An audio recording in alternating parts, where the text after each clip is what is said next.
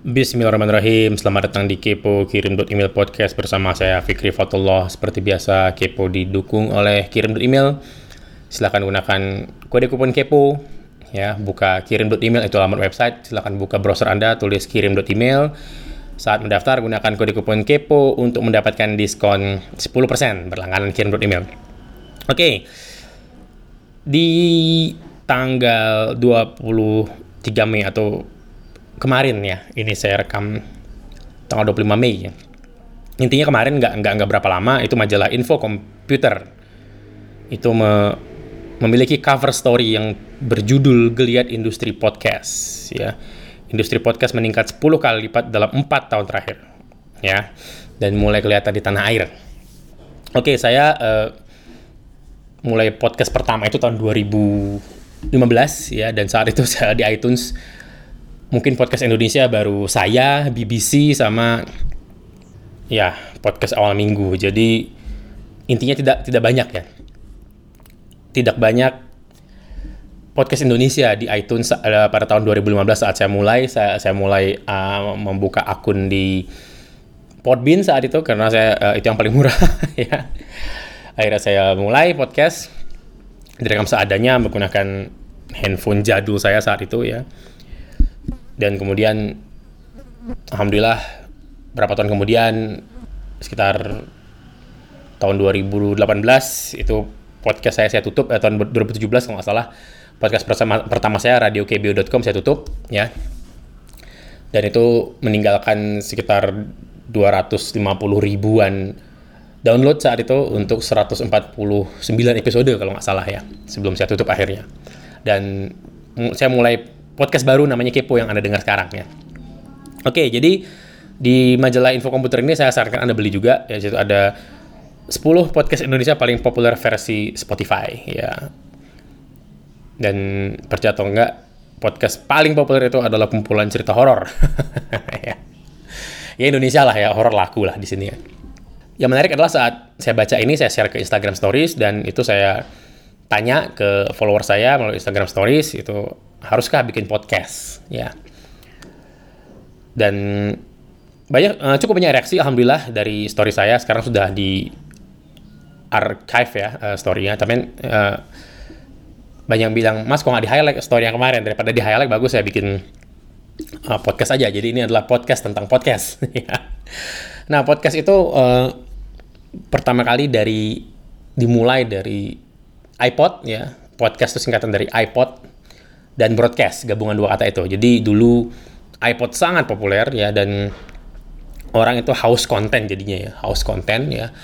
Pengen terus dengerin iPodnya kenapa? Karena iPod itu bisa nampung ribuan lagu ya dulu sebelum eranya iPhone. Ya dalam satu iPod itu bisa ada 32 giga ya tuh dan itu saat itu sangat revolusioner ya bisa bisa nampung berapa ribu lagu saat itu ya dan orang uh, pengen terus dengerin sesuatu yang di mana menimbulkan sebuah aliran baru ya namanya podcast gitu lah ya. Yang pada dasarnya isinya cuman awalnya ya seperti biasa ya uh, semua yang baru tuh kebanyakan di dunia di, di dunia digital itu diadopsi oleh developer yang yang seringnya merupakan early adopters ya atau pengadopsi awal ya early adopters maksud saya. Jadi yang dibahas ya nggak jauh-jauh dari pemrograman ya dulu PHP uh, eh, CSS, Python yang saat itu masih baru ya uh, diskusinya seputar itu gitu ya kita saya untuk saya mungkin itu semur-semur lah ya. Maksudnya saya nggak ngerti bahasanya apa ya. Tapi uh, triggernya awal podcast tuh isinya itu ya. Dan kemudian berkembang berkembang seperti uh, saat ini ya. Nah di kembali lagi ke ke Instagram story saya ya situ saya menyatakan pertumbuhan podcast setahun ke depan di Indonesia ya, ini spesifik di Indonesia. Setahun ke depan itu akan meningkat paling tidak 10 kali. Pada bulan Mei 2020 saya saat rekam ini nanti mungkin kita evaluasi ya saat saat itu. Jika saya panjang umur, amin. Jika Anda juga panjang umur, amin. Ya, saya kita semua sehat-sehat panjang umur ya. Itu podcast Indonesia akan 10 kali sekarang. Kenapa? Karena, karena ada, ada tiga hal. Ada tiga hal yang menurut saya akan mendorong pertumbuhan podcast di Indonesia menjadi sangat luar biasa ya. Yang pertama adalah demokratisasi tools seperti biasa ya. Uh, semakin mudahnya membuat podcast. Ya, dulu bikin podcast untuk saya dulu bisa bikin podcast uh, seperti Anda dengar saat ini ya, malah mungkin bukan dulu ya sampai sekarang ya. Itu saya harus investasi di mic ya, itu yang mic yang cukup bagus. Saya saya punya mic condenser ini. Yang uh, karenanya Anda mungkin dengar suara saya agak lumayan ya. Anda bisa langsung tahu bedanya gitu Anda dengar saya rekaman pakai mic ini dengan saya rekaman dari smartphone ya. Anda langsung bisa detect ya, Anda langsung bisa mengenali suara saya itu berubah ya. Yang sekarang itu tidak perlu lagi. Anda Anda nggak perlu beli mic seperti saya, terus rekamannya di laptop nggak perlu ya atau di desktop nggak perlu. Dan saya juga harus investasi dulu ke headphones yang lumayan ya, headphones yang lumayan bagus untuk editing. Yang lagi sekarang nggak perlu mic di smartphone sangat bagus ya. Maka kalau anda lihat sekarang wartawan itu sering banget menginterview narasumbernya itu sekarang hanya menggunakan smartphone, tidak menggunakan recorder lagi ya kan. Karena mic di smartphone sudah sangat bagus, menangkap dinamika yang cukup bagus dan bisa diekspor dalam file-file yang lossless ya, tidak tidak hilang oleh kompresi ya, misalnya WAV atau FLAC format-formatnya seperti itu ya. Walaupun bisa ngerekam dengan mudah dengan dengan bagus di smartphone, tapi gerakan ini baru dimulai saat uh, lahirnya Anchor ya, Anchor.fm. Tulisannya Ancor ya, A N C H O R, Anchor.fm ya. Anchor ini sebuah aplikasi yang bisa membuat Anda memproduksi podcast dengan sangat mudah anda bisa rekam di sini, Anda bisa langsung edit di dalam Anchor dan yang paling bagus adalah Anda bisa publish di platformnya Anchor dan dari Anchor ini Anda bisa sebarin ke Spotify, bisa sebarin ke iTunes, bisa sebarin ke mana-mana ya. Dulu ini semua proses manual. Dulu saya semua proses manual ya. Saya harus cari hosting podcast sendiri. Dulu saya pakai Podbean dan itu hostingnya berbayar. Anchor ini gratis ya. Saya bayar Podbean itu 15 dolar, uh, 10 dolar dulu, sorry, uh, lupa, 10 dolar dulu ya uh, dan dari hosting podcast itu karena saya harus bayar saya harus cari duit gitu kan ya untuk bisa bayar hostingnya. Dan itu saya sebar ke iTunes saya juga manual saya sebar ke dulu nggak ada Spotify ya di Indonesia. Saya sebar ke SoundCloud-nya manual saya sebar ke mana-mananya manual ya. Dan saya broadcast email dengan link download segala macam itu semua serba manual prosesnya ya. Dan orang dulu dengerin podcast juga nggak langsung dari aplikasi orang download itu kayak dengerin MP3 biasa ya.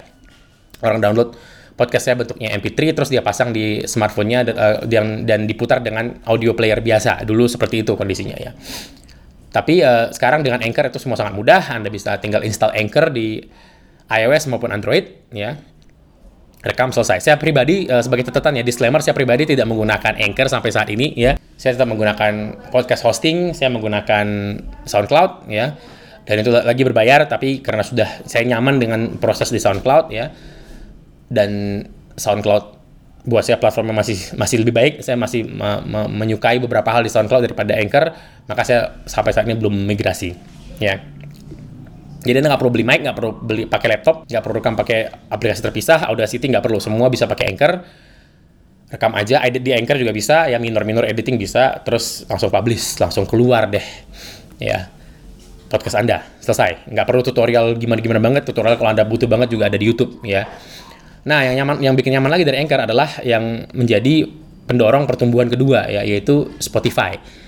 Yang pertama adalah kemudahan dari sisi produsen memproduksi podcast, yang kedua adalah sisi konsumen mendengarkan podcast melalui Spotify ya. Jadi Anchor sama Spotify itu kayak jodoh. Mereka di belakang itu nyatu banget ya. Jadi Anda publish di Anchor, itu Anda bisa dengan mudah itu mempublish atau memforward podcast Anda ke ke Spotify ya dan kemudahan ini sangat luar biasa ya, sangat luar biasa. Jadi mungkin tidak banyak orang mendengarkan podcast melalui Anchor, tapi melalui Spotify itu luar biasa engage engagementnya sangat tinggi ternyata ya. Pengguna Spotify di Indonesia luar biasa engaging gitu loh ya. Luar biasa aktif maksud saya ya. Jadi pendengar sekarang bisa dengan mudah menemukan podcast kita di Spotify. Ya. Jadi dulu Anda harus promosi gila-gilaan seperti saya dulu saya broadcast setiap kali ada episode baru ya supaya orang mau dengerin gitu kan ya. Sekarang saya publish aja itu tiba-tiba ada orang datang dari Spotify ya. Uh, kalau anda lihat analyticsnya podcast saya itu ada yang datang dari Spotify ya. Dan saya dapat pendengar baru di situ tanpa harus saya promosikan melalui yang mungkin belum berlangganan ke dalam email saya ya. Jadi mereka bisa menemukan saya walaupun belum berlangganan di dalam database email saya. Jadi ini baru bahkan buat saya yang sudah uh, ngepodcast dari tahun 2015 mungkin ya. ini ini ini baru buat saya ya. Dan tentu saja masih banyak pendengar dari iTunes, banyak pendengar dari SoundCloud juga dan paling banyak pendengar direct dari blog kita ya di kepo.blog ya. Nah, kombinasi Anchor dan Spotify ini yang membuat saya yakin membuat pertumbuhan podcast di Indonesia setahun ke depan itu akan sangat luar biasa ya pun tap, akan tetapi walaupun teknologi sudah mendukung sebaik-baiknya teknologi itu nggak ada artinya kalau pasar yang belum siap ya pasarnya belum bangun ya. Nah ini membawa kita ke faktor ketiga yang membuat podcast buat saya tahun depan itu akan sangat luar biasa pertumbuhannya yaitu perubahan pola mobilitas masyarakat Indonesia. Kemarin saya baca bukunya Mas Siwo Millennial Kill Everything. Salah satu yang milenial nggak suka beli itu adalah mobil. Milenial nggak suka punya mobil gitu loh. Sukanya ya ride sharing, sukanya pakai kendaraan umum yang sekarang sudah makin bagus di kota-kota besar ya, pakai Gojek uh, dan nanti mau uh, sekarang udah ada MRT di Jakarta dan di kota-kota besar Indonesia juga infrastruktur makin bagus, jadi udah rasa ingin punya mobil itu nggak ada, apalagi macet dan lain-lain. Nah, karena ada perubahan mobilitas seperti ini, jadinya orang di jalan ngapain? Nggak nyetir toh ya, nyetir aja kadang bosan gitu kan ya. Nah ini nggak nyetir ngapain ya? Dengerin sesuatu ya dan inilah uh, orang udah nggak denger radio ya. Orang dengernya Spotify dan di Spotify ada podcastnya dan ini akan jadinya pola perilaku ini jadi akan mendorong pertumbuhan podcast di Indonesia. Dan kemampuan jaringan koneksi internet kita juga sekarang sudah sudah sangat bagus ya. Anda bisa streaming. Saya sekarang sudah nggak pernah mendownload lagi podcast di HP saya. Semua podcast saya streaming ya aja setiap ada episode baru tuh saya dulu dulu alurnya ada episode baru saya download kemudian saya dengerin saat saya nyetir gitu kan ya. Sekarang nggak sambil nyetir tuh saya streaming sepanjang jalan ya. Dan itu nggak nggak terputus. Jadi koneksi kita sudah sangat bagus streamingnya sudah enak ya. Dan inilah yang saya maksud dengan pola perilaku per, uh, perubahan perilaku mobilitas masyarakat di Indonesia. Ya jadi ini yang akan mendukung ketiga faktor ini ya. Lahirnya aplikasi seperti Anchor, lahirnya Spotify, masuknya Spotify ke Indonesia dan menyatunya ekosistem ini ya, menyatunya Spotify dengan Anchor ya yang membuat ekosistem podcast jadi sangat mudah sekarang dan siapnya masyarakat untuk mendengarkan uh, podcast ya. Karena banyak yang bilang, iya mas kalau aku nonton YouTube sambil naik gokar itu sering pusing mas, naik Gojek apalagi, susah dengerin, eh, susah nonton YouTube. Jadi ya dengerin podcast gitu loh, sambil Gojek juga bisa gitu kan, eh, sambil bonceng di motor gitu loh. Banyak yang uh, ngomong seperti itu ke saya, dan banyak juga yang pusing ya nonton YouTube di jalan itu kan pusing. Nah, denger podcast kan matanya bisa ke mana-mana ya. Nah, ini yang yang sering saya bilang dari dulu juga sering saya bilang bahwa podcast satu-satunya platform yang bisa orang konsumsi dengan apa ya kegiatan secondary activity. Jadi konsumsi sekunder. Dia bisa mengkonsumsi podcast, seseorang bisa mengkonsumsi podcast sambil melakukan hal lain. Jadi bisa nyambi sambil nyapu, sambil ngurus anak, sambil nyetir, sambil di MRT, sambil di busway, sambil di Damri, sambil naik gojek, sambil lari pagi, sambil nge-gym, fitness, segala macam, sambil yoga. Bisa dengerin podcast gitu loh ya. Jadi, uh, faktor-faktor inilah yang kemudian mendukung ya, mendukung pertumbuhan podcast Indonesia, pendengarnya akan semakin banyak, semakin ramai ya. Tapi, walaupun ada uh, ketiga faktor pendorong ini yang saya akan membuat podcast menjadi besar ya, ada juga dua penghambatnya yang, yang menurut saya juga akan besar. Ya penghambat terbesarnya ada dua menurut saya. Ya jadi kita nggak fair kalau saya nggak fair kalau hanya ngomongin dari sisi angin surganya aja ya. Enggak ada juga penghambat yang besar ya, yang, yang yang terbesar. Yang pertama adalah belum adanya podcast discovery yang bagus. Ini bukan hanya di Indonesia ya juga di dunia ya. Artinya apa? Setiap orang bisa dengerin nggak seperti YouTube ya. Setiap orang bisa dengerin podcast dengan cara yang masing-masing ada yang di streaming langsung melalui websitenya seperti kasusnya Kepo ya. Banyak orang mendengar Kepo itu justru di kepo.blog di website kami ya. Orang play podcastnya di situ langsung ya. Jadi uh, ya itu ada ya. Walaupun mungkin tidak biasa tapi itu ada ya. Ada yang dengerin dari Spotify, ada yang dengerin dari SoundCloud, ada yang dengerin via iTunes, ada yang dengerin via aplikasi pihak ketiga seperti saya pakai menggunakan Pocket Cast ya. Jadi masing-masing dari aplikasi front end aplikasi tempat tempat saya mendengar podcast dengan uh, aplikasi tempat anda mendengar podcast itu itu berbeda. Dan masing-masing aplikasi menawarkan fitur discovery podcast yang berbeda. Discovery ini adalah kemampuan sebuah aplikasi menemukan podcast yang baru. Itu yang saya maksud discovery ya. Jadi aplikasi saya Pocket Pocket Cast mungkin tidak tidak memiliki algoritma discovery yang sama dengan Spotify atau aplikasi apa pun yang anda gunakan sekarang ya berbeda hasilnya. Ya yang saya saat saya uh, buka Pocket Cast aplikasi yang saya gunakan itu ada namanya uh, search-nya ya ada bagian search-nya. Itu kalau saya buka itu aplikasinya uh, rekomendasi podcastnya mungkin nggak sama dengan rekomendasi podcast anda ya. Bisa berbeda-beda ya. Jadi inilah yang saya maksud belum ada platform universal untuk orang menemukan podcast. Berbeda dengan YouTube. YouTube orang nonton YouTube ya di YouTube. Mau, mau di mana lagi gitu ya, ya di YouTube lah gitu ya nggak ada aplikasi walaupun ada aplikasi YouTube pihak ketiga cuman YouTube sangat ketat dengan fitur rekomendasinya ya uh, suggestionnya YouTube banyak banget video saya tonton itu hasil rekomendasi dari YouTube ya karena YouTube tahu saya follow ini follow itu nonton ini nonton itu jadi YouTube merekomendasikan saya video-video yang berdasarkan histori saya di masa lalu gitu loh. Nah, ini yang saya maksud dengan discovery. Belum ada podcast discovery seperti ini. Belum ada tiba-tiba paling nggak di saya ya, paling nggak di saya. Mungkin di Spotify ada. Saya saya bukan pengguna Spotify sebagai catatan. Saya nggak tahu di Spotify seperti apa. Jika emang ada, mohon kabari saya di fikri@kirim.email ya. Jadi belum ada uh, platform universal ya. Mungkin mungkin Spotify akan menjadi platform uh, universal di Indonesia. Mungkin saya nggak tahu ya tapi paling enggak saya pribadi sampai saat ini menggunakan Pocket Cast dan itu tidak merekomendasikan saya apa pun. Mereka hanya me, memberikan saya apa yang populer, bukan apa bukan apa yang saya suka. Beda dengan YouTube ya. YouTube memprediksi apa yang saya suka, kemudian dia memberikannya pada saya. Sedangkan Pocket Cast itu memberikan apa yang populer, banyak didengar orang, banyak di-download ya. Oke. Okay. Itu kendala pertama, belum adanya uh, cara universal kita menemukan podcast baru. Saya, saya pribadi sekarang sedang mencari podcast podcast Indonesia karena lagi bertumbuh banget ya. Dan itu saya bingung nyari di mana karena saya search di Pocket di Pocket Cast banyak nggak keluar ya. Uh, saya harus bertanya ke orang-orang dan dari situ saya tahu orang-orang pada dengerin apa. Saya saya search manual dan akhirnya keluar ya. Itu penghambat pertama. Yang ngalir ya proses discovery yang ngalir. Penghambat kedua adalah sulitnya monetize. Nah ini yang banyak banget yang nanya mas monetize podcast bagaimana? YouTube kan gampang. Iya YouTube gampang. Anda tinggal switch on aja ads ad, uh, monetize-nya maka itu Google dan YouTube yang akan mencari advertiser ke tempat Anda. Jadi YouTube yang akan menjodohkan advertiser dengan konten Anda. Bukan jadi bukan urusan kita lagi. Tugas kita cuma ngupload video selesai gitu ya. Sisanya YouTube yang akan merekomendasikan oh ini iklan yang cocok untuk video ini gitu loh ya. Sedangkan di podcast bagaimana yang ada Anda harus sendiri ya kayak kayak radio jadinya Anda harus cari advertiser sendiri uh, Anda harus bikin proposal mungkin nawarkan ke sebuah brand ya bahwa anda punya podcast pendengarnya sekian bla bla bla bla bla bla nah itu juga dia belum tuh mau kan gitu ya. Jadi alurnya masih seperti itu ya dan bahkan podcaster podcaster terbesar di dunia ya seperti Tim Ferriss atau Joe Rogan itu masih melakukan hal, -hal seperti itu ya.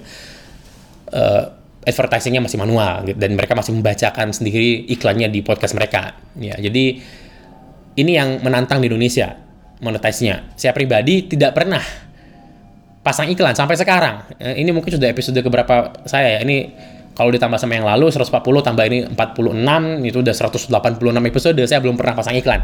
Yang saya lakukan untuk monetize adalah saya jualan produk affiliate, produk yang saya rekomendasikan dan di mana kalau Anda beli melalui saya saya dapat komisi. Dan yang kedua ya jualan kirim email seperti yang saya sebutkan di awal ya. Anda bisa menggunakan kode kupon kepo di kirim email dan yang itu kalau Anda gunakan kode itu kupon itu maksud saya itu akan terdetek di sistem kami dan kemungkinan besar orang yang pakai kupon itu itu da eh, dari mendengar podcast ini gitu loh ya. Udah itu doang cara saya ya. Banyak yang nanya bagaimana hasilnya ya. Uh, tahun 2018 kode kupon kepo itu dari sistem kami itu menghasilkan sekitar 70 juta. Relatif kecil sekali. Artinya setiap bulan itu podcast uh, kirim email podcast hanya hanya menghasilkan 5,8 juta rupiah ya relatif kecil menurut saya. Ya mungkin itu cukup buat anda tapi buat saya itu relatif kecil karena effortnya kan saya akan punya tim di kirim email yang mengolah uh, podcast ini ya. Jadi setelah saya rekam ini nggak langsung selesai. Ini ada ada tim di kirim email yang mengolah ini sampai bisa anda nikmatin gitu loh ya. Dan itu uh, eh, 5,8 juta paling ya cuman cukup buat ngegaji tim doang gitu loh ya. Nggak nggak ya jadinya nggak apa nggak mungkin nggak nggak seperti yang anda harapkan gitu loh ya. Oh nggak gede hasilnya mas. Iya nggak gede hasilnya gitu loh ya. Padahal per, per episode kirim email podcast itu ada yang sampai sepuluh ribu download ya. Jadi itu uh, bukan angka yang menarik lah ya. Nah bagaimana dengan YouTube? Ya YouTube uh, kemarin saya ngobrol sama Riko ya dan ini Riko uh, Riko Huang ya. Sahabat saya itu coba anda search channelnya Riko Huang di YouTube. Videonya Riko bagus sekali produksinya high quality banget dan yang diwawancarainya nggak sembarangan ya. Dalam video itu Riko mewawancara Rex Marindo yang punya warung abnormal, uh, Riku mewawancara Pak Tung deh semua ringin ya. Jadi triliuner sudah diundang ke videonya beliau kalau dengan kualitasnya sangat bagus. Saat ditanya berapa, Riko cuma bilang hasil dari YouTube saya hanya mampu menggaji editor saya, editor video maksudnya ya. Yang di mana kalau nggak salah Riko pernah menyebut itu sekitar 8 jutaan sebulan lah ya untuk subscribernya Riko yang 250 ribuan orang saat saya rekam ini dan jumlah view-nya yang ratusan ribu, maka 8 juta itu juga angka sangat kecil menurut saya. Ya. Lagi, effort yang dilakukan Riko seperti apa? Riko datang ke Bandung mewawancara narasumber, Riko pergi ke Surabaya mewawancara Pak Tung ke Jogja ke mana-mana. Effortnya sangat luar biasa besar gitu loh. Ya bawa kru, bawa tim, bawa kameramen, ada yang audio segala macem. Kadang kameramennya lebih dari satu gitu kan ya. Jadi effortnya segede itu hasilnya ya yang gitu. Tapi ya lagi kalau kita hanya bahas direct monetization itu emang kecil. Tapi impact yang dihasilkan podcast dan YouTube itu lebih dari sekedar direct monetization. Ada ada hasil tidak langsungnya ya menginfluence orang, membuka teman-teman baru, membuka jaringan baru, branding segala macam banyak. Nah kalau kita ngitung-ngitung itunya itu kan intangible ya nggak kehitung lah, jadi agak susah ngitungnya. Ya. Nah jadi kalau dibandingin sama kasus Riko tadi, maka podcast saya sebenarnya ini saya udah saya bilang sama Riko kemarin itu ju, uh, kalau di, di rasio rupiah per listener itu lebih berarti lebih menghasilkan podcast kirim dot email daripada YouTube-nya Riko ya. Tapi ya lagi nggak bisa hanya dengan itu ya. Influence-nya Riko di video-video YouTube itu sangat luar biasa ya. Riko bisa menginfluence banyak orang, menginspirasi banyak orang dan itu nggak bisa dibayar dengan apa pun ya. Dan lagi jangan lupa hosting saya berbayar, hosting Kepo itu berbayar. Ya, hosting podcast ini berbayar. Anda yang Anda dengerin ini saya bayar 15 dolar tiap bulan. Sedangkan Riko ngupload ke YouTube itu Riko gratis, nggak bayar apa-apa. Bahkan ya YouTube yang bayar Riko gitu ya. Itu yang Anda harus tahu. Jadi nggak nggak segampang ngitung berapa sih hasilnya ini YouTube berapa sih hasilnya podcast nggak segitu. Ya ada faktor-faktor X, Y, Z yang harus Anda pertimbangkan. Dan karena saya mempromosikan kirim email melalui podcast ini, maka buat saya podcast ini eh, berhasil karena saya tidak menghitungnya dari direct monetization ya, tapi dari impact yang dihasilkan oleh podcast ini ke ke masyarakat ya. Alhamdulillah cukup ngefek ternyata ya. Terima kasih. Saya, saya manfaatkan episode ini, episode ini untuk mengucapkan terima kasih untuk Anda yang sudah dengerin uh, podcast, tapi kalau Anda berharap direct monetization, ya maaf saya harus bilang angkanya mungkin dibanding dengan effort yang Anda lakukan akan sangat tidak seimbang ya tapi kalau Anda memang Anda punya sebuah cerita yang mau Anda ceritakan, Anda suka menceritakannya seperti saya ya. Dan yang paling penting Anda pede, suara Anda direkam dan didengerin orang. Dan ini banyak banget yang gak pede. Saya, saya pribadi juga awalnya gak pede gitu. Jadi saya hajar aja gitu kan ya. Maka silakan, podcast dunia sangat menarik ya. Uh, podcast dunia sangat menarik. Silakan ceritakan apa yang mau Anda ceritakan di sini ya. Dan sangat mudah dan gratis kalau pakai Anchor, jadi nggak ada bayar hosting. Ya, jadi nggak ada alasan sebenarnya tuh Anda nggak bikin podcast. Anda bisa rekam dari smartphone sambil Anda nunggu antrian Anda bisa rekam podcast ya. Nggak perlu kamera mahal, nggak perlu lightning gila-gilaan. Kalau Anda lihat videonya Rico, videonya Christina Lee yang lagi booming banget ya, isinya bagus banget. Kualitas produksinya luar biasa, editingnya luar biasa, itu effortnya kan sangat gede. Sedangkan saya di podcast ini editing saya sangat minor ya. Saya cuma buang bagian-bagian yang saya nyebutin uh, Hmm, itu tuh saya buang biasanya. uh, dan saya cuman pakai kompresor sedikit, normalize ya. Mungkin kalau Anda paham audio, Anda paham istilah-istilah yang saya maksud ya. Udah selesai ya. Nggak ada animasi pembuka, nggak ada penutup. Semuanya saya rekam langsung ya. Selesai, saya langsung upload ke SoundCloud dan kemudian bisa Anda dengar prosesnya dari uh, proses pasca produksinya itu tidak pernah lebih lama dari produksi itu sendiri. Saya rekam setengah jam ya sudah ya, uh, maka produksinya setengah jam palingan ya dari gelombang audionya kan kelihatan mana yang mau dipotong gitu ya. Saya langsung skip ke bagian yang mau dipotong, saya potong, selesai ya. Tidak ada editing yang makan waktu banyak, saya nggak butuh editor khusus ya. Kadang saya kirim file mentah saya ke tim untuk tim yang ngedit audionya, tim saya sudah paham mengeditnya ya. Jadi nggak perlu saya terlalu pusing mikirin editing dan editing lagi editing audionya gampang sekali ya seringnya malah belakangan saya pribadi yang edit karena saya sering nggak puas ini ngasih ini ke tim saya kalau ini dari sayanya belum bagus gitu loh ya dan lagi prosesnya sangat sederhana saya tinggal ngelihat gelombang yang audio mana yang pengen saya hapus maka saya hapus karena uh, itu memiliki karakteristik gelombang yang sangat khas di di audio. Jadi visualisasi audio itu sangat uh, visualisasi gelombang di layar laptop saya sangat khas. Jadi bisa saya detect ini saya nyebutin e nih gitu loh. Ya langsung saya hapus di situ gitu loh ya. Kira-kira seperti itu. Mudah-mudahan menjawab ya podcast tentang podcast. Jadi sekarang prosesnya sangat mudah, nggak usah mikirin mic apa, headphones apa, nggak usah install Anchor di HP Anda, Android ataupun iOS, Anda cari tempat yang sepi, tempat yang enak rekaman. Kalau mungkin Anda juga dengar saya rekaman juga nggak sepi-sepi amat. Tadi Anda dengar mungkin suara motor, suara bibi yang bantuin saya ngepel, ya.